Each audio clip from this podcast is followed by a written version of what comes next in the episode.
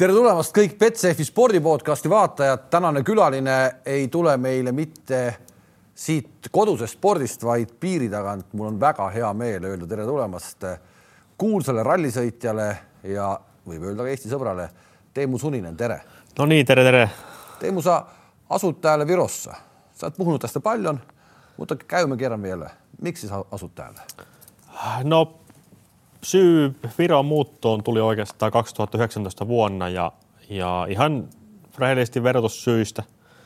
Et Suomessa veroprosentti hyppää yli 50 helposti, jos tienaa enemmän kuin 5000 euroa kuukaudessa. Ja, ja 2019 vuonna tehtiin päätös, että muutetaan Viroa ja sitten tilanne on paljon muuttunut. Että, että M-Sportin luvattiin maksaa hyvä palkka ja sitten Volkkari lopetti ja sitten Osieri ja Latvala oli ilman tallipaikkaa ja sitten ne tuli eileen. Että mä olin tehnyt muuton siinä kohtaa, kun ennen uutisia ja, ja sitten uutisten jälkeen mä ajattelin, no ollaan Virossa, että mä oon nuori ja Sulla oli on- mahdollisuus mennä myös Sveitsiin, missä asui sun malankeri Timo Jouhki, joo. mutta sä valitsit silti Tallinnan.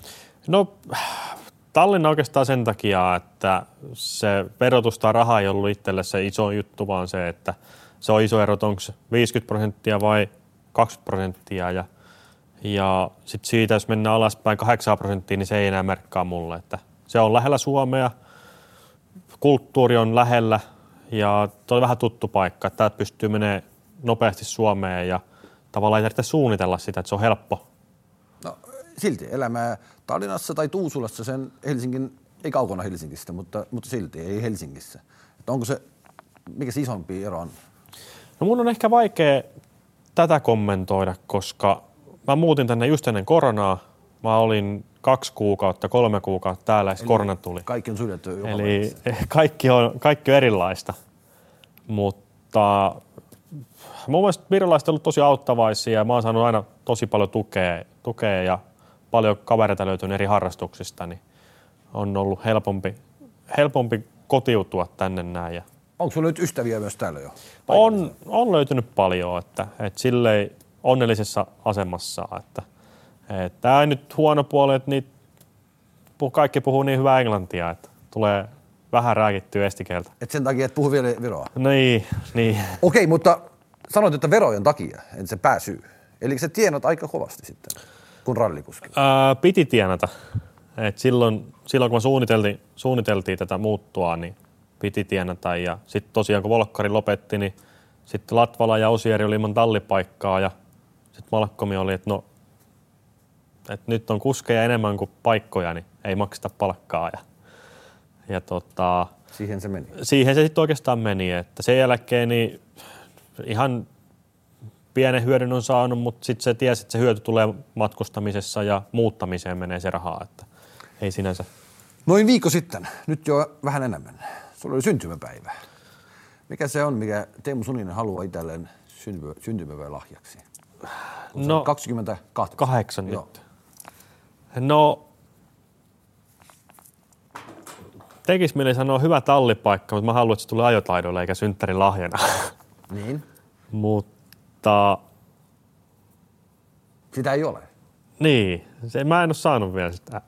Mutta sä silti toivot. Joo, kyllä. Sä olit testaamassa Espanjassa. Siitä ei ole paljon puhuttu, mutta oliko näin, että sä ennen syntymäpäivää, sä olit testaamassa nyt äh, R5 Joo, Espanjassa. joo, kyllä. Et me ollaan Puhu hy- vähän tästä, mikä se oli? Äh, Kyntä on nyt halunnut kehitystestiä ajaa r ja me ollaan nyt ajettu kuusi päivää sille tässä viime aikoina. Että sille hyvä määrä, että, että voi, voi sanoa, niin kuin, että on oikeasti päässyt ajamaan.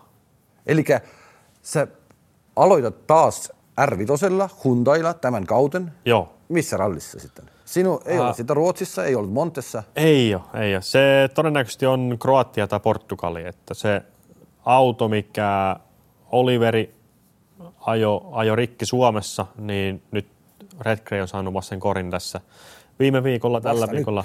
Joo. Miksi se kaikki ottaa niin paljon aikaa?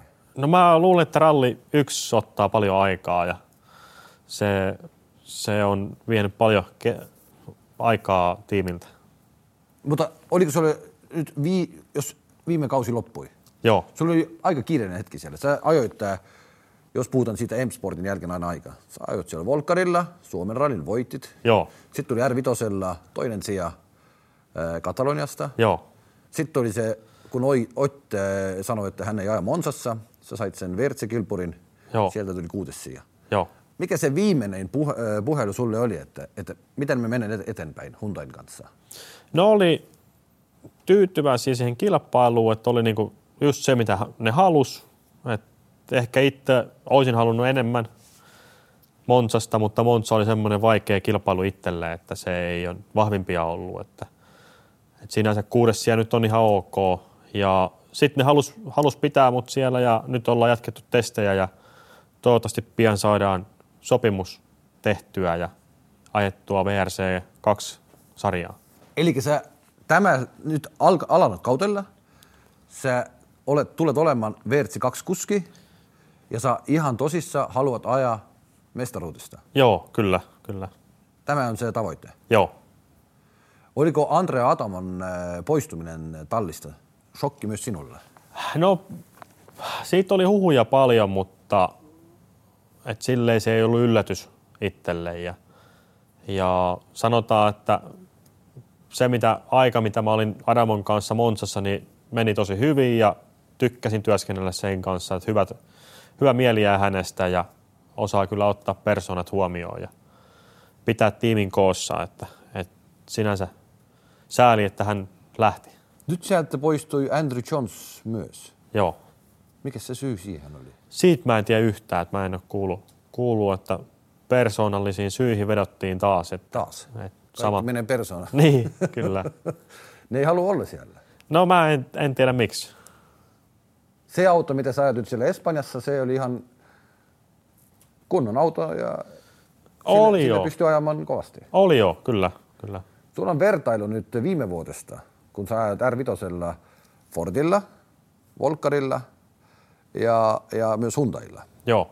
Jos joku virolainen rallikuski haluaa itselle, itselle yhtenä R5, sitten sä suosittelet, minkälainen on paras niistä. No hyntää logo, jos tässä lukee, niin puhua vaikea, muuta. vaikea muuta sanoa, mutta, mutta olihan se ainakin Volkkarikin oli hyvä auto soralla, että mä en ole hyndäitä itse soralla ajanut, niin on vaikea sanoa. Sanoa tai vertailla sitten hyndäitä ja Volkkaria soralla, mutta, mutta ainakin se Volkkari vaikutti erittäin hyvältä autolta. Että.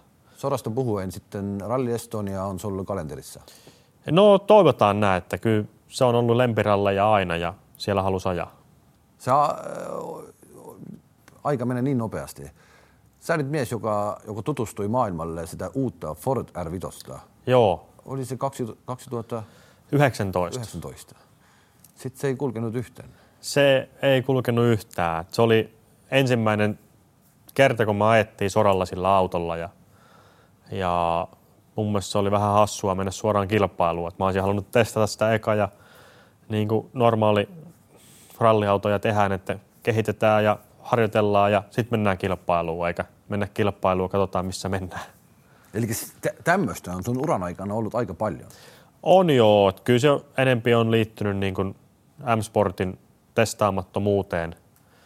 Että esimerkiksi nyt Hyndällä mulla ei ole sopimusta, mutta silti mä oon ajanut enemmän testiä kuin M-Sportilla vuoden aikana. Että, että silloin esimerkiksi 2019 vuonna meillä oli testipäiviä kolme Koko vuonna. koko vuonna, niin mun on hirveän vaikea sanoa, että mä oon ammattilaiskuski siinä vaiheessa, jos me harjoitellaan kolme päivää vuodessa. Mitä se M-Sport sulle äh, sanoi? Jos sä aloitit siellä 2016, sitten Ää, 17. 17, Joo, sitten joo. tuli, heti tuli äh, neljäs, kaksi rallia isolla autolla. Joo, Sitten tuli heti se neljäs sija Suomesta. joo. Ja sieltä eteenpäin näytti, että nyt, nyt elämä alkaa. Mitäs, mitä ne sanoi sulle, että, että, että okei, Teemu tulee meidän kanssa? Vai miksi sä, miksi sä valitsit Timon kanssa? Saiko, sa, saako sanoa, että Timo oli se, joka sanoi, että mennään M-Sportin? Timo, no Timo joo, uhki. Timo, Timo sanoi, että mennään, mennään M-Sportille ja, ja osin siihen myös johtui myös Latvalasta ja sen tilanteesta, että, että sitten aluksi me oltiin Toyotalle menossa, mutta sitten Volkkari lopetti ja sitten Latvala haluttiin Toyotalle ja sitten me mentiin sitten M-Sportille ja sieltä, se alkoi hyvin, että sieltä tuli hyviä tuloksia ja auto oli silloin vahva, Ja 18 meni vielä hyvin, että monta kisaa taisteltiin Elfinin kanssa tosi tasapäitteen. Ja, ja sarjassa, Tuli myös palkintosia. Joo, tuli palkintosia ja sarjassa mä olin parhaimmillaan neljäntenä. Ja sitten tuli muutama tekniik- tekniikka keskeytys siihen ja, ja ää, Espanjassa oli vähän huono vauhti itselläkin. Et sille, sit sijoitus oli loppukaudesta, oltiinko me seitsemäs vai kahdeksasta, vähän pettymys, mutta oli niinku hy- hyviä aikoja.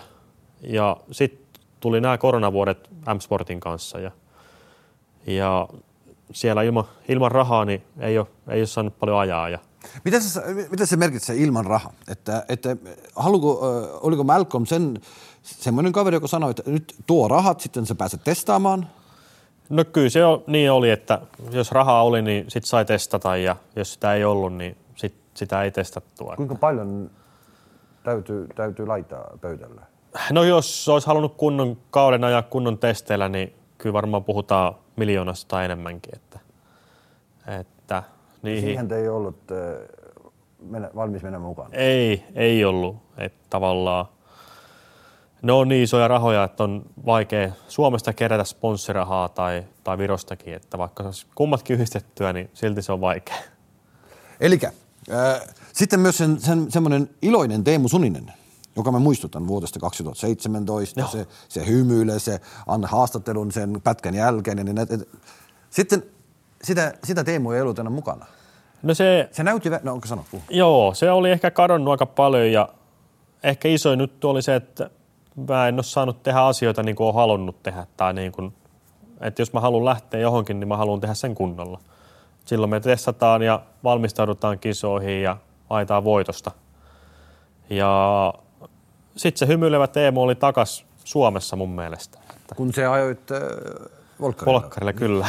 Se oli, se, oli, Joo. oli se. Mutta, no, sä, sä itse tiedät, kuinka vaikea on päästä siihen, myös, myös M-sporttiin. Se, se, se paikka, niitä paikkoja on vähän, itse sanoit. Että, että nyt niitä kuskeja, joka haluaa edes sun paikan, Niin. niitä on kymmeniä. Niitä niit on, on paljon, ketkä haluaa sen paikan, mutta niitä on tosi vähän, ketä sinne pääsee. Että, et siinä mielessä täytyy olla tyytyväinen, kuinka pitkän uran on pystynyt tekemään, että, että kymmenen vuotta ajanut rallia ja siitä seitsemän vuotta ollut mun työ. Että, että se on niin kuin paljon, paljon antanut ja paljon opettanut elämässä ja varmasti tulee hyötymään muuallakin sitten työ, työjutuissa myöhemmin, että on, on joutunut rakentamaan isoja projekteja. Milloin tuli lopullisesti selväksi, että, että sä et aja enää M-Sportin kanssa? Oliko se Rally Estonia äh, viime kesällä nyt se viimeinen, että, että nyt on kaikki? No se oli siinä kevään aikana ollut pidempään mietinnässä. Ja se oikeastaan viimeinen juttu oli sitten Turkkiin, kun mä en sitten Turkkiin saanut, ää, Kreikkaan en saanut autoa. Et me oltiin sovittu että mennä r ja sitten tulee ilmoitus, että, että Malkkomilla ei ole autoa. Ja autohan puuttu sen takia, kun siellä ei ollut työntekijöitä riittävästi ja ei ollut henkilökuntaa. Ne ei saanut sitä valmiiksi. Eli miksi ne ei saanut? Ne, oli- ne oli poistunut tallista vai niillä oli se korona vai mikä, mikä se syy siihen? No sekä että, että työntekijöitä ei ollut riittävästi ja ne ei saanut sitä valmiiksi ajoissa. Ja, ja sitten oli päätös, että lähdetäänkö me Fordilla Suomeen ja me, kukaan ei ole sillä ikinä ajanut tuloksia. Että, että tavallaan mäkin on tiimikaverit aina voittanut Suomessa, mutta silti multakaan ei ole ko- kovia tuloksia. Että tiimikaverina on kuitenkin ollut Oitti ja Osieri ja Elfini ja aina ne on pystynyt voittamaan. Että koen, että Suomessa nyt on ehkä top 3, top 4 kuski ja ikinä tulosta ei ollut ajettu, niin sitten ajateltiin, että tehdään, ajeltaan jollain muulla merkillä ja katsotaan, että onko vauhti tallella. No se oli. No se oli joo, kyllä. Oliko se sinulle it, itselle semmoinen, semmoinen paikka, että, että mä näytin sen, että mä silti pystyn? No se oli joo kyllä, että, että tavallaan helpottava tekijä itselle ja sitten muutkin rupesi uskomaan varmasti siihen, että, että tämä, tämä poika osaa vielä ajaa. Ja sitten mikä sitten niinku tekee vielä arvokkaamman, niin mun mielestä siellä oli kova taso, että Ösperi oli ainoa edellisenä vuonna, Sitikalla oliko kakkonen vai kolmas, mm-hmm. että sekin on niin kova kuski ja siinä oltiin niin kuin, kovia kuskeja oli VRC kakkosessakin, että, että se ei mikään niin kuin helppo ralli ollut voittaa. No jos puhutaan siitä sitten vielä. Sitten se auto näytti, sä ajoit raution värissä. Joo, kyllä. Miten se, miten se toimi se työ raution kanssa? Että miten, miten se löysi sinut? No rauti oli iso apu. Et se oli niinku pääsponssina siinä meillä ja, ja tavallaan lähdettiin kysymään rautiolta. Mä lähdin rakentamaan Nesterallin projektia ja se on aika arvokas, arvokas ralli ja sitten ruvettiin hakea siihen sponsoreita ja sitten Raution kanssa onneksi törmättiin ja saatiin sitten hyvä diili siitä sovittua ja, ja loppujen lopuksi mä uskon, että kumpikin oli tyytyväinen osapuoli, että, että Rautio sai hyvää näkyvyyttä ja sai, sai niin kuin voiton tiimillensä siellä. Se sai näkyvyyttä myös vielä Kataloniassa, kun sun kypärä oli Raution värissä. Oliko näin? Oli joo, kyllä. Joo. Ja, ja ei enää Monsassa. Eli, miksi sä et jatka hänen kanssaan? Sen... Äh, se oli, mon, oli, se oli Monsassa, sama, sama maa, joo, sama okay. kypärä oli. Ja, ja tosiaan me oltiin alkuun sovittu, että, että mennään Raution autolla Suomi ja Espanja. Sitten ajettiin se Suomi. Ja sitten sen jälkeen tuli se Hyndään kontakti. Niin. Ja oletin, no pakko siihen on tarttua kiinni. Että... Tuliko se Hyundai-kontakti vain sen takia, että sä voitit Suomessa? No, toi on vaikea kysymys. Sä tiedät sen. Et, tota, kyllä sitten oli, oli, oli tota, puhuttiin jo ennen rallia. Ja sitten mä uskon, että jos sieltä tuli voitto, niin se varmasti auttoi siinä. Ja sitten äh, nyt tänä vuonna, nyt siis puhutaan vielä Rautiosta, että me, no totta kai te olette puhunut suomalaiset äh, kansan, mä tiedä, kuskit ja, ja, ja, ja tallin äh, miehet, että, että miten se näin menee, että Rautio tukee virolaista kuskia, no. kun puhutaan Ekon kaurista. Että kumma kaveri. Me voitan sanoa virolaiset, me voitan sanoa, että hienoa, että ne on tämmöinen kaveri. Joo. Mutta mut silti. No joo, siis Rautiolla on omat isot bisnekset ja se haluaa näkyvyyttä Suomessa ja, ja Virossa ja, ja silloin se haluaa olla mukana mun mielestä lajissa ja se on tosi hieno juttu, että mun mielestä kaikkeen pitää olla tyytyväisiä niin suomalaisten kuin virolaisten kanssa, että meillä on herra nimeltä Rautio, kuka haluaa tukea nuoria rallikuljettajia ja, ja tuoda niitä vähän jopa yhteen, että tuossa Ekoni, kun oli, oli Riihimäki rallissa, niin mä halusin olla siellä vähän auttamassa, että, että tavallaan Raution tiimi menee eteenpäin ja antaa vähän myös Se viimeinen ralli, mikä se ta- oli siellä? Joo, kyllä. Sä olit mukana siellä? Joo, kyllä. Niin. Et vähän tukee sitä Raution tiimiä ja tavallaan mä pystyn sitten antaa Rautiolle takaspäin asioita, mitä se on antanut mulle. Mutta sä olit siellä kun niin sanottuna mies, joka sanoo hyvän sanan. Niin. Sä, sä et ollut ajamassa. Joo, mä en ollut... Miksi sä et aja SM-kilpailua? Siellä on Hämäläinen, äh, Lindholm, Lindholm ja sitten on siellä Asunmaa ja sitten on Kauri. Siellä on kova kilpailu menossa hetkellä. Nyt kaksi rallia, Artik ja, ja Riihimäki on, on takana. Joo. Miksi sä et ajaa Suomen SM-kilpailua? No isoin syy oikeastaan budjetti, että, että nekin maksaa aika paljon ja äkkiä SM-osakilpailu voi olla 40 000 euroa, 50 000 euroa. Ja yksi osakilpailu. Yksi osakilpailu ja semmoisia rahoja mulla ei ole, että, että pystyy, pystyy ylläpitämään semmoista. Sitten toki kaikkia muita ajoharjoitteluita on koitettu tehdä vähän halvemmalla tavalla täällä näin. Että. No Salon, Salon paikka Raution tiimissä, e, et kysynyt itselleen? Että... No mä en halua mennä sinne sekaan, sekaan tavallaan pilaa muiden yhteistyötä. Että, että se mitä mä haluan sinne tuoda on nyt, että se, että kaikkien kolmen kuljettajan yhteistyö paranisi ja, ja tehdään yhteistyötä, että saataisiin jokainen kuljettaja siitä hyötyä ja se, että rautio siitä hyötyy, niin se on niin kuin se pääjuttu itselle. Okei, mennään takaisin äh, siihen Undain äh, ja syksyyn. Jos tuli selviksi, että Priin menee M-Sportin ja että Hyundai jatkaa Solbergin kanssa ja Sorton kanssa, oliko juttu, että, että ehkä sä olet kolmas, kenen kanssa ne jaa sen kolmannen auton? Ei ollut. Kyllä se oli selkeästi Ralli 2 projekti pääsääntöisesti ja ehkä itse ajattelin, että siinä on niinku, se on ehkä hyvä paikka olla niinku varakuljettajana sitten, että jos jollekin tulee sairas juttuja, koronaa tai jotain, niin sitten pääsee sinne ajamaan ja, ja katsotaan mitä toi uusi testipaikka Hyundaille nyt, kun se on Suomessa. Se, että, joo. että onko siitä sitten jotain hyötyä tai pääsenkö Hyundai sitten mua hyödyntää siellä? Eli se uusi testipaikka Suomessa, se ei ole rakennettu vain äh, talvikisajan varten, vaan se jää soralle myös. Joo, kyllä. Eli ne muuttaa sen tallin, ei kokonaan, mutta silti iso porukka mennä Suomen.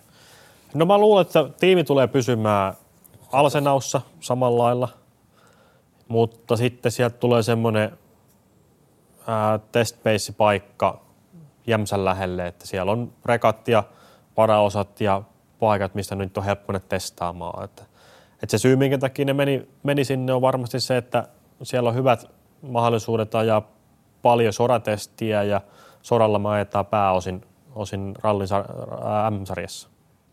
Mikä se Jämsän paikka se Suomen verrattuna on, että minkälaiset tiet siellä ovat? Että no Suomesta, kaikki, kaikki nopeat. Suomesta parhaimmat tiet, että, että siellä on isompaa tietä, vähän pienempää tietä, että hyvä kokonaisuus niillä kyllä on, on testiteistä. Kuka sen valitsi sen paikan? Ää, mä luulen, että Toitti on ollut siellä niin kuin valitsemassa teitä ainakin, mutta varmasti johtoryhmän kanssa ne on päättänyt, että miten se sitten lähtee toimimaan, mutta mä kuulin, että Oitti oli niin kuin valitsemassa, valitsemassa niitä teitä sitten viime kädessä. Että. Eli semmoiset uhut siitä, että ehkä Hyundailla on vaikeat ajat, niillä ei ole tiiminjohtaja, niillä on vain kolme autoa, ei ole neljä autoa kuin Toyotalla, että se että, että ne ei, ei aja kauten loppuun asti, se ei pidä paikansa yhtään. No, mun on vaikea sanoa, että en missään nimessä en voi kieltää, mutta ei nyt ole kyllä pysty vahvistamaankaan noita huuja. Että, että mä uskon, että Hyundai tulee sieltä nousemaan, se on iso menestynyt tiimi. Niillä on motivaatio tehdä voittaja-auto. Ja ne teki viime kauden autosta voittajaa tai nopeimman auton, niin mä uskon, että siinä on hyvä, hyvä tiimi, hyvät kuskit kehittämässä autoa. Otin sopimus, äh, uuden kauden sopimus äh, Hyundain kanssa. Tuli jo keväällä. Se aika varhain. Se sanoi, itse sanoi, että, että sen takia, että Hyundai sanoi hänelle, että hän ei näyttää uutta autoa äh, kuskille, jos sille ei ole sopimusta. Joo. Oliko sulla jotain semmoista myös M-Sportin kanssa? Oli joo, että mä olin vahvasti siinä simulaattoritestaamisessa Forin kanssa niin kuin tekemisissä. Mut, Me puhutaan ralli yksi autosta. Joo, niin. kyllä. Et ne ajo, ajo pari viikkoa simulaattoritestiä ja mä olin ajamassa ne testit sitten siellä. Mutta oikeita autoa elämässäni en ole nähnyt.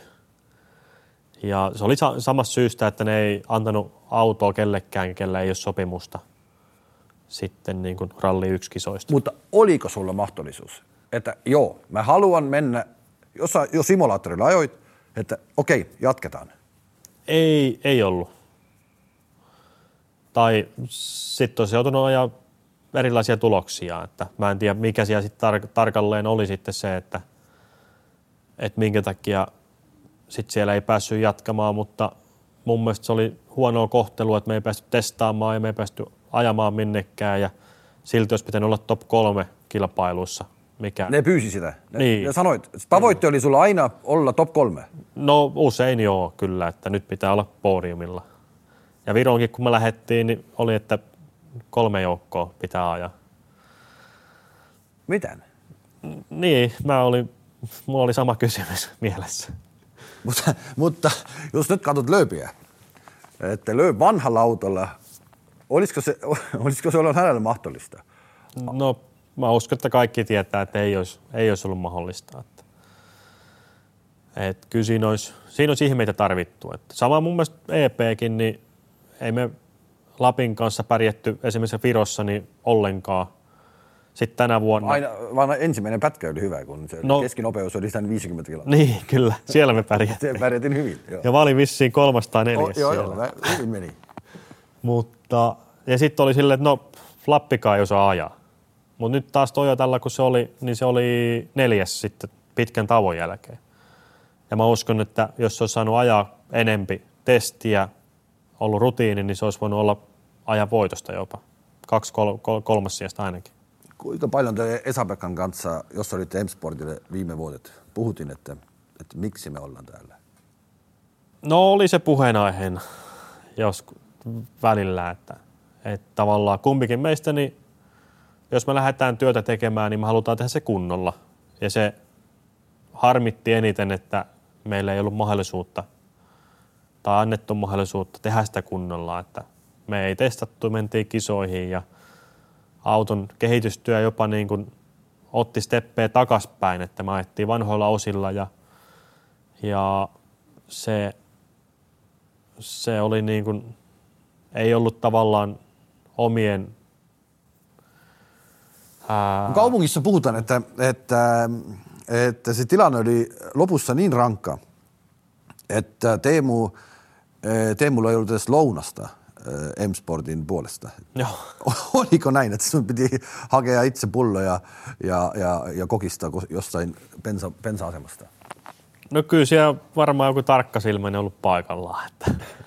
Mutta kyllä ihan siis mentiin tämmöisiin asioihin, että, että meillä ei ollut aamupalaa kunnollista ja hotellilla joo, on, oli aamupala, mutta sitten keski-eurooppalaiset, kun ne ei syö muuta kuin croissanttia, niin, niin tota, kyllä ne keskustelut meni ihan näin pitkille, että mun mielestä se on, oli aika niin kuin, vääristä paikoista säästetty, että jos meillä on miljoonan auto, niin miksi me ei laita viittä euroa aamupuuroa ja terveellisen aamupalaa?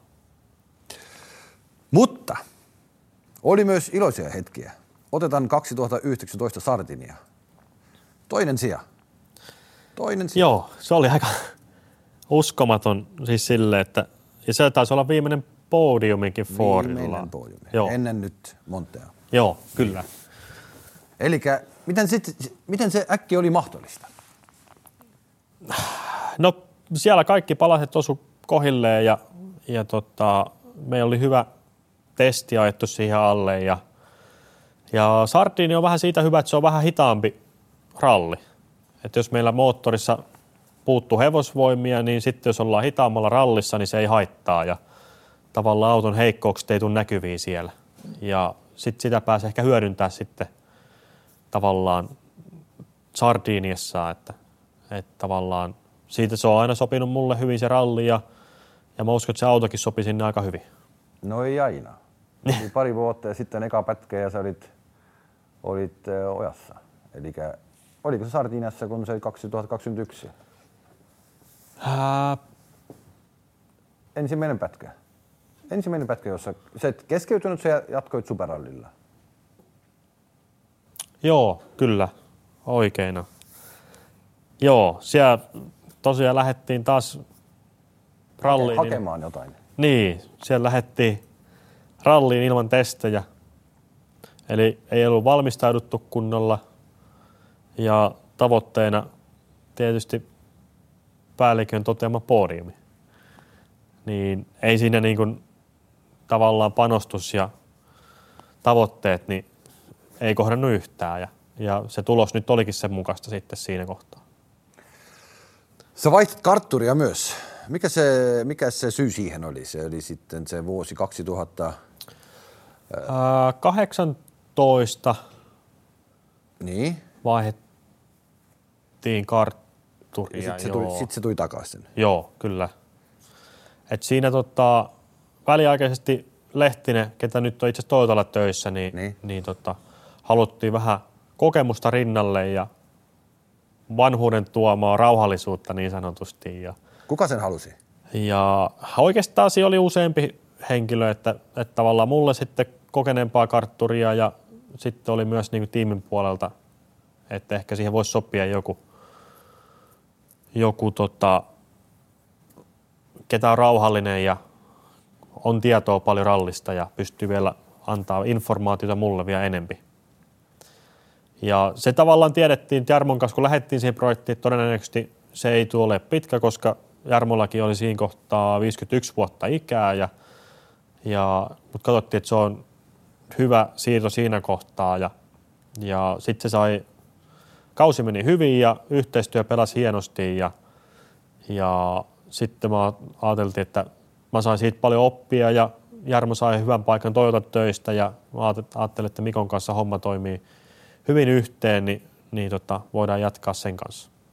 Mutta se ensimmäinen ralli Mikon kanssa Montessa ei mennyt niin hyvin. No se meni hyvin Puh. siihen asti, kun se meni. Se, se, puhu vähän siitä, sitä on nyt paljon puhuttu. Joo. Sitä on paljon katsottu maailmassa, sitä, sitä eka pätkää. Joo. Se ensimmäinen splittiaika, se, sulla oli pohjat. Joo, kyllä. ja sitten se meni. Joo, että se oli, olosuhteet oli niinku sateista, märkää asfalttia, että Monteen vähän niinku helppo olosuhde. Että ajateltiin, että siellä pystyy niinku aika lähellä niinku riskirajaa menee ja, ja silleen niinku ajettiin mun mielestä järkevästi siihen asti. Ja sitten siellä oli yksi valkoinen viiva vähän ennen, ennen tota, tämä maalattu valkoinen viiva, niin se leveni just siihen mutkaan ja mä en ollut sitä huomannut ja se oli sitten liukas sateella. Ja siinä oli kolme kuljettajaa, ketkä vähän oli tilannetta sladia ja sitten mulla se meni puoli metriä pidemmälle ja osui penkkaa ja se kisa loppui siihen nopeasti sitten. Tajusitko heti, että nyt se kisa jää tänne? Se, aluksi se ei näytä nyt niin, niin, niin hurjalta, että nyt, nyt, on, nyt se jää siihen. No joo, ei se niin hurja ollut, mutta, mutta tota, mä en tiedä sitten oliko tavallaan säästöbudjetti vähän tiimillä, niin, niin se sitten Oletko vaikutti. Että, sitä, että se voisi olla näin? No se voi olla joo. Mun on vaikea ottaa kantaa tässä kohtaa, mutta se ei, niin kuin, tekniikka ei ollut isommasti rikki siinä kolarissa. Et loppujen lopuksi oli aika pehmeä pyörähdys kuitenkin. Kenen kanssa sä ensiksi puhuit, kun sä joutut takaisin menemään sinne servisalueelle? No, ja mitä puhuttiin? Se oli päällikön kanssa, Malkkomin kanssa. Ja Hän oli paikan päällä sitten vielä. Oli joo, ja se oli aika yksipuoleista se keskustelu, että, että hänellä oli enempi puheenvuoro. Niin. Sä olit, sä olit viisas kuuntelija. Mä olin kuuntelija, joo. Että, että kyllä siinä – tuli selkeäksi hänen mielipide siitä, siitä virheestä. Kuinka paljon sä sanoit vastaan asioita, jotka sulla oli myös mielessä? No Ei vaan ky- Montessa, vaan koko, koko sen kauden aikana. Kyllä siis yritin tuoda sitä että esille, että se, että jos emme testata tai ajeta, niin millä me voidaan pitää tavoite, että me ollaan ajetaan kärjessä tai kolmen joukossa tai viiden joukossa. Että – että tavallaan mun mielestä aina se valmistautuminen pitää suhteuttaa siihen tavoitteeseen sitten. Ja se, se ei, sitä ei niin kuin ehkä ymmärretty siellä. Sitten tuli se vanha tarina, että no 2017 vuonna Osieri kyllä on voittanut. Et se toimi autoa kohtaan, mutta se ei toiminut mun kohtaan. Et no 2018 mä oon podiumia sillä samalla autolla, että nyt mä en ajaa. Että mutta no. nyt ne voi sanoa, että kato nyt Teemu. Niin. nyt tuli Lööp. Joo. Otti voiton. Niin. Uudella autolla. Joo. Se ei ole testannut paljon. Se ei säätänyt sitä yhtään ennen montea. Se istui autoon ja voitti. Niin, kyllä. Mutta ne on ollut vahvoja. Ford on ollut vahva aina, kun ne on tuonut uuden auton. Että, että se on ollut silloin NS VRC-aikaa ja nyt 2017 kun tuli uudella autolla, niin silloin Osieri ja Oitti oli tosi vahvoja ja, ja nyt sitten taas, kun uusi, uusi auto, niin ne oli vahvoja. Jälkiviisaus, mutta silti. Että ehkä olisi pitänyt otottaa vähän vielä, että nyt tänä vuonna näyttää sillä uudella pumalla. Niin, mä en tiedä, onko, olisiko Malkkomista antanut ajaa sitten ralli ykköstä, että sitten se olisi ollut ralli kakkosta ja mä en tiedä, olisiko siellä ollut mahdollisuutta mennä ralli yksi autoon, että, että katsottiin, että Hyndel on todennäköisesti parempi mahdollisuus siihen, jos, jos kaikki menee hyvin.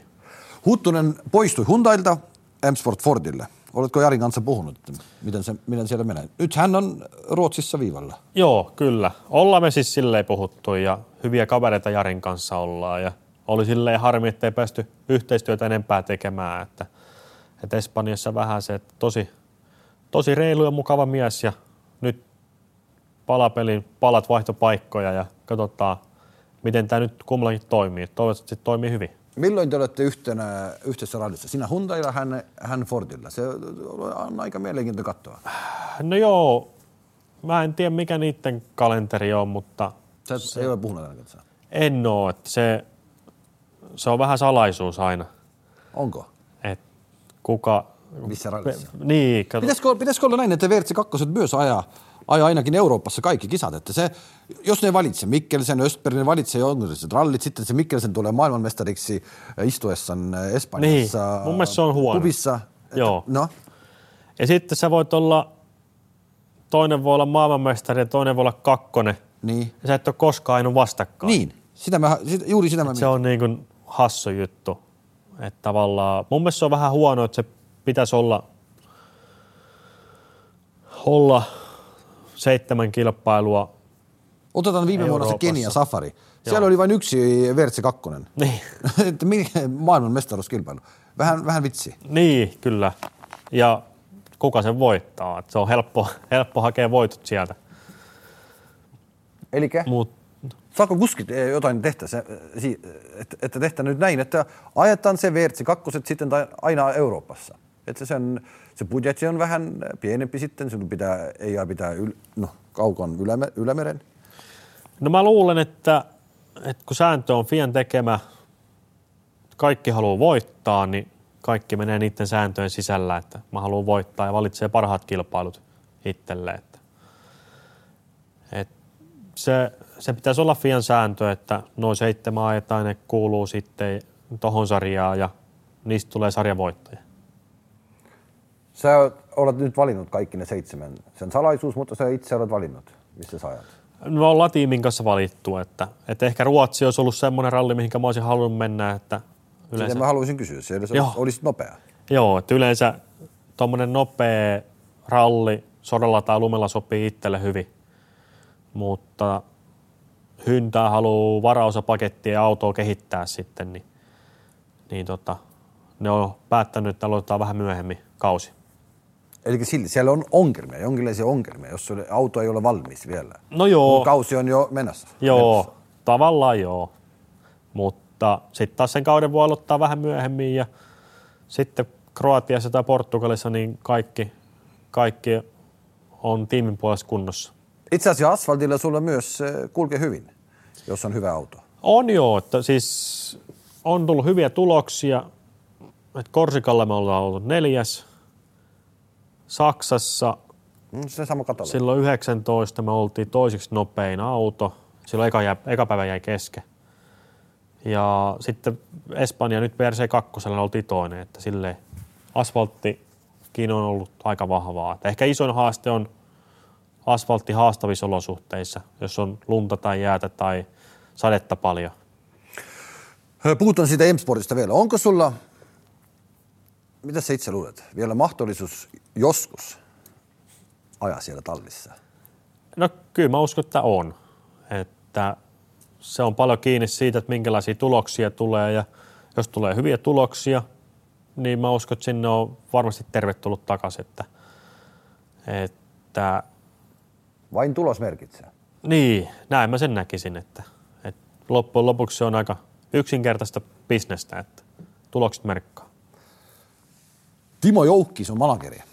Se on ollut äh, aika kova jätkä Suomessa Joo. kuskien kanssa. Sillä on, voi sanoa, että se, se, se on aina onnistunut myös. Mutta onko se onnistunut sinun, sun kanssa? No ehkä managerin, jos miettii, miten, mikä, mikä tarkoittaa onnistuminen, niin onko onnistuminen saada pitkä ura viisi vuotta, neljä vuotta VRCssä vai onko se pelkkä taloudellinen onnistuminen, niin se on ehkä määrittelee, että onko se onnistunut vai ei. Että, että jos miettii taloudellista puolta, niin on joutunut sijoittamaan muuhun jonkun verran paljon? rahaa. Kuinka paljon? Tiedät? Mä en, en tarkkaan tiedä, mutta sitten taas takaspäin on tullut, mutta sitten se voi olla vähän silleen, että onko se ollut kannattava homma, niin, niin ei välttämättä rahallisesti. Että Se ei ole Tässä sanonut sulle, että okei, mennään nyt erikseen. Mä menen tänne, sä menet tänne. ei ole, ei ole. Että kyllä se vielä näkee, näkee toivoa tässä hommassa ja, ja mikä on niin ehkä pääasia, että, että tavallaan pystyy jatkaa rallitoimintaa ja, Ja jos asiat menee Hyundai kanssa hyvin, niin, niin tässä on varmasti vielä, vielä hyvät mahdollisuudet. No hänellä oli myös ö, hyvät suhteet Toyotaan, oliko? Joo. Miksi sulla ei ole Toyotana ö, ajohallareita päällä? No se on vähän harmittava juttu, että, että meilläkin oli, oli juttelut sitten, tai puhuttiin paljon Toyotan kanssa ja, ja tavallaan 2020 perusteella ajateltiin, että siinä on hyvät mahdollisuudet, että, että tavallaan Lapin kanssa ajettiin tosi tasapäitteen ja usein itse oli vähän, vähän nopeampi, niin ajattelin, että sinne on hyvät mahdollisuudet, mutta sitten ne ehkä otti vähän, oli niin kuin liian samanlaisia kuljettajia Lapin kanssa, että sitten otti sen turvallisemman vaihtoehto. että Ne on Lapin kanssa työs... miksi, mi- miksi Lappi on turvallisempi vaihtoehto? ne on työskennellyt Lapin kanssa pari vuotta, että ne tietää tavatet ja tietää kuskin, että, että jos sulla on kaksi saman arvosta kuljettajaa, niin sit saatat sen ehkä helpommin, minkä sä tiedät tai tunnet. Se sai sen mahdollisuuden myös Suomessa nyt äh, Jyväskylässä. Joo, Ja se oli paras suomalainen, niin, kyllä. Neljäs. Puhutaan siitä, että, että suomalainen ei ollut palkintopalli siellä Jyväskylän rallissa. Niin. No, harmi vaikka. No joo, tuli harmin paikka, että historiankirjoihin tuli tollainen merkki, merkintä sitten, että, että tavallaan kaikki ehkä tavallaan paineet oli kallella ja sillä oli parhaat mahdollisuudet siihen. No se oli myös ajamassa sinne, mutta Niin, mutta sitten tuli, tuli ajovirhe ja, ja se kaatui siihen, että, että yleensä siellä suomalaisia on ollut vähän useampi, kello on ollut mahdollisuus yrittää siihen podiumiin, että, että Lapilla kahdeksan kuukautta kotona ja ei ole ajanut, niin oli varmasti vaikea, tai ei ollut niin helppo paikka lähteä sitten kotiralliin VRC-autolla. myös painat päällä. Näyttämisen paikka. Niin, kyllä. Eli se neljäs sija oli häneltä maksimumsuoritus. No mä uskoisin, että siihen kohtaan oli maksimisuoritus. Että, että toki kun saat yhden kilpailun, niin sä et saa tehdä virhettä. Sitten joutuu ajaa vähän varovaisemmin ja sitten tavallaan se maksimivauhti voi vähän puuttua sieltä. Että, että mä uskon, että, että jos Lappi pääsee tänä vuonna ajaa ralli ykkösellä Jyväskylään, niin tilanne on jo vähän erinäköinen. No nyt se pääsee nyt ajamaan jo Ruotsissa. Niin, kyllä. Se tykkää siitä myös. Joo, kyllä suomalaiset on yleensä ollut vahvoja siellä ja Lapilla on hyviä tuloksia Ruotsista. Elikkä ne otti sen Lappin, ei sun. Öö, mutta sä itse luulit, että ehkä mä vois olla sen, se, hänen paikallaan. Ja kyllä, kyllä me oltiin ajateltu niin, että, että tavallaan itsellä on sinne hyvät mahdollisuudet ja Fordilla, kun me ajettiin samoilla autoilla tasapäitteen, niin se oli mun mielestä rehti vertailu. Ja mä koin, että mä olin usein nopeampi siinä kohtaa ja ajettiin tosi tasapäitten tuloksia, niin että sinne olisi ollut hyvät mahdol- mahdollisuudet, mutta, mutta sitten taas edellisenä vuonna niin se ajoi Volkkarilla kaksi voittoa ja se sitten itsellä Fordilla niin ei ollut samanlaisia tuloksia, että, että se on sitten kans yksi, yksi tulostekijä varmasti. Viimeinen suomalainen rallimaailmanmestari oli kuka? Kyllä se taitaa Grönholmi olla. Niin. Sä olit sitten, sulla oli kahdeksan vuotta. Muistatko sä siitä miten, ol- olisiko se silloin jo, jo ra- rallissa mukana? Vai olit vain karting? karting? Mä olin vain kartingissa, että rallia tosi vähän seurasin ja ei ollut tavallaan... Se oli, Grönholm oli ehkä sellainen lapsuuden idoli Räikkösen jälkeen ja Häkkisen jälkeen sitten, että, että, että tavallaan formulapuolella enempi se oma targetti, mutta Miksi jäi se pois pelistä? Liian kallista vai? no se oli vaikea edetä sitten formuloihin, että se olisi vaatinut äkkiä 300 000 euroa kaudessa, niin, niin se ei ollut mahdollisuuksia lähteä sille puolelle. Eli silti, rallin maailmanmestaruus Suomen, viimeinen kerta 2002. Siitä on nyt mennyt 20 vuotta. Joo. ja siellä on ollut pojat yrittämässä, Hirvosen, sitten on ollut Latvala. No sä et ole vielä pystynyt kunnon tallissa ajamaan. Niin, Mutta nyt on jo, tulee jo nuoret sieltä, joo, kyllä. pajarit ja kumppanit kaikki. Että ehkä sun aika mennä nyt näin, että sä et pysty, että et sulla ei ole paikkaa edes, edes yrittää sitä. Niin, voi olla, mutta kyllä mä haluan vielä töitä tehdä sille, että sinne pääsee takaisin ja, ja mun mielestä esimerkkejä on paljon. Esimerkiksi tänäkin niin on ollut muutaman kerran sivussa ja sitten se on tullut vahvempana takaisin. Ja Elfini sama juttu, että se on pistetty pois ja, ja 2016 vuonna mä ajettiin, mä oon ekaa vuotta nelivetosilla, niin mä ajoin, ajoin sitä Elfiniä kovempaa ja sama, silloin samana vuonna Lappi voitti mestaruuden ja nyt Elfini ajaa taas hyviä tuloksia mestaruudesta. Että, että mä uskon, että jos sä oot henkilönä riittävän vahva, niin sä tuut vahvempana takaisin. Oletko sä riittävän vahva henkilönä? Kyllä mä uskon näin. Se, että sä nyt olet takaisin Virtsa kakkosessa, se ei, se ei merkitse sulle yhtään mitään. Että sä haluat vaan ajaa. No, kyllä se tavoite on ralli ykkösessä ja tavallaan maailmanmestaruudessa. Että, että sitten taas, jos mä teen jotain asioita kunnolla, tai jos mä lähden tekemään asioita, niin mä haluan tehdä ne kunnolla ja täysiä.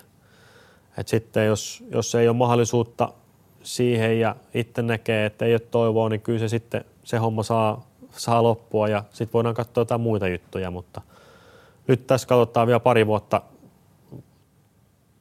kunnolla, että mitä, mitä aika, aika tuo tullessa. Jos saisit menisi, menee ja takaisin ajassa, niin noin kymmenen vuotta. Mitä tekisit toisin?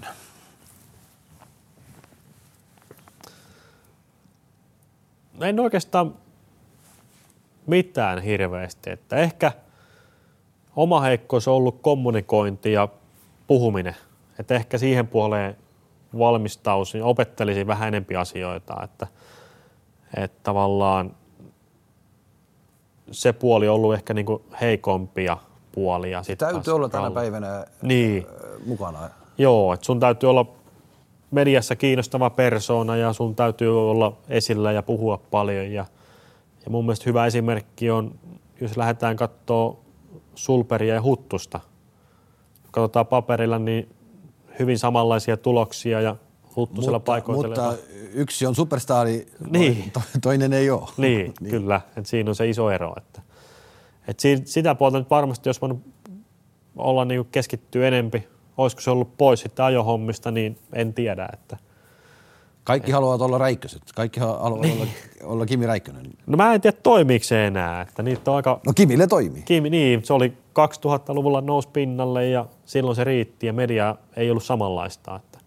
Nykyään se on vähän erilaista ja somearvo on tosi tärkeä myös talleelle, että loppujen lopuksihan niin sehän on pelkkää bisnestä toi VRCkin, että autot on, autotehtaat on mainostamassa omia tuotteita siellä ja se on vaan bisnestä loppujen. Sun mielipite, mitä pitäisi tehdä, että niitä, olisi, niitä autoja olisi vähän enemmän mukana siellä ykkösissä? Nyt on vain kaksi ja sitten Same Sport. Joo, mun mielestä, mun mielestä pitäisi mennä R5-luokan autoihin. Kaikkea R5, vitosella. Joo. Me ollaan puhuttu paljon tästä. Me ollaan puhuttu paljon tästä selostamossa. Niin. Ja sitten siihen, siihen voidaan pitää ns. VRC ja se voi olla R5 plussa. Et siihen isompi kuristin, isompi takasiipi ja se on se VRC tai ralli ykkönen. Niin silloin ne kulut olisi, olisi niin kuin fiksumpia. 50 prosenttia enemmän. No, jo, enemmän, enemmän. enemmän että, että R, tai ralli 2 auto maksaa 250 000 ja ralli 1 auto miljoona. Niin. Sitten me saisimme näitä viivalle siinä no 30 en, enemmän. Niin, niin, jopa enemmän. Et mun mielestä se olisi, olisi niin hyvä suunta ja siihen voisit tuoda hybridiboksia samalla lailla, mikä niin ralli ykkösessä on. Mutta se, että se perustuu siihen ralli kaksi autoa. Mutta miksi sitä ei tehtä? Se on kysymys Fialle. Mä en, en tiedä, että, että ehkä siinä on sitten taas huoli, että ralli 2 autot tulee liian lähelle, että ne on liian nopeita verrattuna ralli 1 autoihin, että, että jos mennään historiasta taaksepäin, oliko 2000-luvun alku, kun kitkaareilla etuvetosilla ajettiin kovempaa kuin kuninkuusluokassa, niin eihän se hyvää mainosta ollut tehdastiimeille. No pelko oli, se on iso, että nyt jos se ralli 1 tulee, sitten se ralli 2 on vähän nopeampi, niin. mutta Montessa sitä ei, ei ollut näkyvissä. Ei, että kyllä se ralli 1 auto on sen verran nopeampi ralli 2 ja niin lähellä sitä vanhaa VRCtä, niin mä uskon, että sitä, sitä ei tarvitse huo, stressata. Eli kaikki Ralli 2 autoihin meille olisi aika upea sarja. Joo. Niin, kyllä. Et vähän, vähän enempi tehoa. Puhutaan niitä säännöistä vielä vähän, että se on aika minusta mielenkiintoista kuskeilta kysyä, että jos otetaan se viikonloppu, rallin viikonloppu, sitten on se superrallisysteemi. Joku keskeyttää perjantaina tai sitten lauantaina, se tulee ajamaan sunnuntai-aamuna.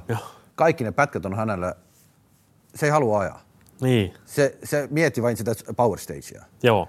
Meille, niitä autoja on vain kymmenen, niin. joka on ne VRC-kalustoautoilla. Miten kymmenen? Me telkkarista katsotaan sitä. Se on tylli, se kattoa. Me ollaan sanottu, että ehkä, ehkä voisi olla niin, että joka pätkästä pistää. Niin, se voisi olla yksi, yksi vaihtoehto ja sitten ne superralliautot niin ajaisi jokaisen pätkän niin täysiä niin. ja kilpailisi siitä. Et mullakin, kun mä olin kommentaattorina Suomen kanavalle Siimoorilla Monte Carlossa, niin oli se vähän hassu, että tästä tulee nämä viisi autoa ja, tai kolme autoa ja power pisteistä ja sitten loput ajaa vaan niin kuin turvallisesti maaliin. Että, mutta... Ja sen aina näin, sen aina näin. Niin. Sen rallista ralliin, joka viikonloppu. Rallin viikonloppussa tiedät, että siellä on kolme, neljä, viisi autoa, joka ajaa vaan sunnuntaina sen takia, että Power Station on tulossa. Niin, kyllä. Mutta se on ehkä myös se meidän laiki, että me ajetaan kolme päivää kilpailua ja se ei ole niin kuin F1, että ajetaan tunti tai kaksi kilpailua tai – tai niin kuin rallycrossi, että muutama minuutti, vaan se on pitkä kestävyyskilpailu. No on se, mutta silti. Pohjimmiltaan. Et, no joo, mutta että olisi vähän kiinnostavampi katsoa, jos, jos olisi joka pätkästä pistee edes sunnuntaina. Niin, kyllä. Kyllä mä näen tuossa hyvän pointin, että... Uusi puheenjohtaja on ja. Fialla. Se on vähän rallimies. Onko? On se joo rallimiestä. Että nyt se haluaa, nyt se sanoo ihan, ihan rehellisesti, mä uskon häntä, että sanoo, että nyt me haluaisimme enemmän talleja mukaan. Joo. Uskot sä häntä? No kyllä mä uskon, että mä uskon, että se olisi kaikille hyvä, että se olisi niin kuin sarjan, sarjan kiinnostavuutta nostas, se olisi faneille hyvä ja mä uskon, että kaikki kuljettajatkin olisivat siitä tyytyväisiä, että saisi enempi tiimejä ja, ja tavallaan mä uskon, että se on kaikille, kaikille hyöty. Öö, se, se sanoo myös, että, että, että rallin sarja, se tarvitsee semmoisia superstaareja. Joo. Että, mä kysyn Otilta samaa, että onko hän valmis ottamaan sen roolin. Oletko sä valmis ottamaan sen roolin nyt, äh, nyt äh, jos sä pääsisit ralli 1 talliin? No kyllä mä luulen, että se superstaristatus tulee sitten, jos on tullakseen. Että, että kaikista kuljettajista siihen ei ole, että ei halua isoa showta siihen ympärille ja – ehkä osin rallikuljettajan luonteetkin on se, että me halutaan olla normaaleja ihmisiä siellä ja tavallaan se erottaa ehkä formulakuskin ja rallikuskin siitä, että, että tykätään, tykätään normaalia no, asioita. Itse asiassa askelet siihen sä oot jo ast- tehnyt, kun äh, suomalaiset rallifanit äh, katsovat sinua Siimur kanavassa. Niin. Se, minusta se on aika hauska, että Teemu Soninen on selostamassa. Joo. Se oli Yllätys itselleni se oli yllätys itselle, ja, mutta se oli mukava keikka. Et mä koen, että mä oon paljon oppinut rallissa ja tiesin ää, ralli yksi autoista paljon, että mä olin sitä simulaattorissa ja mä tiesin M-Sportin historiaa hyvin ja sitten Hyndällä tällä hetkellä ja Toyotaakin on niin hyvät kontaktit, niin siinä oli kaikki tiimit vähän niin kuin hallussa. Niin mä koin, että siinä oli paljon annettavaa ja puhuttavaa. Tuliko paljon salaisuuksia siellä? No ehkä vähän liikaa. Vähän liikaa? Tuliko joku soitti, että hei Teemu, turpa kiinni? Ei ollut, ei ollut tässä mielessä, mutta kyllä tietysti helposti tulee puhuttua ehkä asioista, mistä ei pitäisi, mutta, mutta sitten se on taas mielenkiintoista faneille, että, että se on taas paljon asioita, mitä, mitä sä et telkkarista näe. Nyt äh, oli se yksi kerta vai saada ne, ne, kaikki ne rallit, missä sä itse ei ole mukana, sä olet selostamassa? No nyt ne halus halusi, että mä menen Ruotsin studioon kans ja että mä alustasti on puhunut kolme neljä kilpailua, että, että missä mä en oo, niin mä teen, voin tehdä sen studiojutun sitten tai olla juontamassa. Että se, miksi mä siitä tykkään, niin esimerkiksi Monte Carlostakin, niin jos mä en siellä oo, niin mun pitää opiskella se ralli ja mun pitää seuraa se ralli, mä haluan oppia siitä. Niin sitten sillä samalla työmäärällä se menee se selostusjuttu. Et muuten samalla lailla mä katsoisin ne kilpailut ja tekisin omia analyysejä ja muistiinpanoja ja nyt mä teen ne samat jutut, mutta mä annan ne telkkarille ja koko Suomen käyttöön niin sanotusti. Menetkö Ruotsin paikan päällä vai, vai, vai Ei, se tehdään Suome, Helsingistä? Helsingistä, Pasilasta. Pasilasta. Joo. Eli edes Pasilan miehet, Ylän miehet vai Simoren miehet ei mene eh, paikan päälle Ruotsiin? Vai? Ää, siellä on osa, osa menee Ruotsiin ja tekee juontoja sieltä ja sitten me hoidetaan se TV-asiantuntija-osuus sitten. Ää, sano sitten se salaisuus, kun meidän se podcast menee, menee ilmaan, kun Ruotsin ralli on tulossa. Että Joo. sun veikkaus Ruotsin rallista. No, se on tosi vaikea Uusi paikka. veikata. Et nyt, nyt me ollaan nähty voimasuhteet asfaltilla. Ja jos me katsotaan viime vuosia, niin ensimmäisenä vuonna voimasuhteet on vaihdellut tosi paljon eri kisoissa, niin mä uskon, että vähän, vähän samanlaista. Että, et mä uskon, että Toyota nyt on varmaan aika vahva. Niillä on hyvät testitiet ollut samoissa olosuhteissa. Ja M-Sport on testannut paljon. M-Sportilla, niillä on hyvä auto. Ne on lumella testannut myös paljon. Joo. Ja Priini on ollut hyvä kuljettaja lumella Ruotsissa. Ja Hyundai on, tehnyt, vaikeuksia. Hyundai on tehnyt paljon töitä. Onko tehnyt paljon töitä? Kyllä on ollut testaamassa nyt paljon ja mä uskon, että ne tulee vähän nostaa tasoa. Tai mä toivon, että ne nostaa paljon. Että. Kuinka paljon ne on testannut? Me, meillä ei ole tietoa siitä. Puhu siitä. Kuinka, paljon Hyundai on testannut nyt Monten jälkeen? Ne on nyt ainakin ollut viime viikolla ja viime viikon ne ajoi aika lailla kokonaan. Ja niillä on vielä aikaa ajaa toinen testisessio siihen, että kaksi viikkoa ajat testiä. Että kyllä siinä paljon kerkeä asioita muuttaa. Mutta silti, sun kärkikolmikko. Nyt on Me, paha. me, me, me tehtään myös sen. Joo, Me tehtään myös sen. Mutta silti, kärkikolmikko. nyt on vaikea. Onko vaikea? On. Se tekee mielenkiintoisen tästä Ruotsista. Aloitetaan Kallesta. Niin, mä, mä kirjoitan sen. Mä laitan sijoituksen myöhemmin. No okei, okay, Kalle. Niin. Mä laitan Kalle kakkoseksi. Kalle kakkoseksi, niin. Lapin voittajaksi. Lappi kolmoseksi. Lappi kolmas, noin. Kuka voittaa? Mä haluan uskoa, että Oitti tulee hyntäällä. Ottola Hondailla vai? Tää on iso, iso, iso kortti, mutta Se, se tulee meidän selostuksen myös, että Joo. sun kärkikolmikko on tämmöinen. Eli Oit, Kalle ja Lappi. Oitti Kalle olit äh, viime vuonna Arctic-rallissa, oli, oli se, meni se näin. ah, niin, no, joo, kyllä meni, joo, kyllä. Ja Priini neljäs. Ja Brini neljäs. Okei, laitetaan se myös. Suninen kymmenen vuoden päästä. Mikä, te, äh, mikä mies on?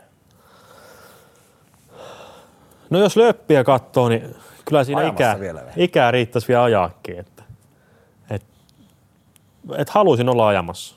Se, sä, sä haluat ajaa niin paljon kuin mahdollista. Joo, kyllä. Kymmenen vuotta myös te pääsee. Joo, Että jos katsotaan esimerkiksi otteja tai se- vähän tuntuu, että niillä jo riittää. No joo, et tietysti Oitilla oli hyvä, ta, hyvä aika Toyotalla, mutta nyt on ollut myös vähän murheita Hyundailla tuolla ja ei ole saanut autoa ihan niin kuin sopivaksi hänelle itselleen, että varmasti kaikki tietää, että Oitti on maailmanmestari ja mestarikuski. Mutta sitten jos auton kanssa ei kaikki toimi yhteen, niin, niin se on vaikeampaa. Kallesta tuleeko seuraava suomalainen maailmanmestari vai kenestä suomalaisista tulee seuraava maailmanmestari? No kyllä Kallella on parhaat mahdollisuudet siihen varmasti, että, että se voi olla, että se ottaa ehkä vuoden kaksi ja sitten uskaltaa nimetä, että Kalles tulee, on kova mestariehdokas.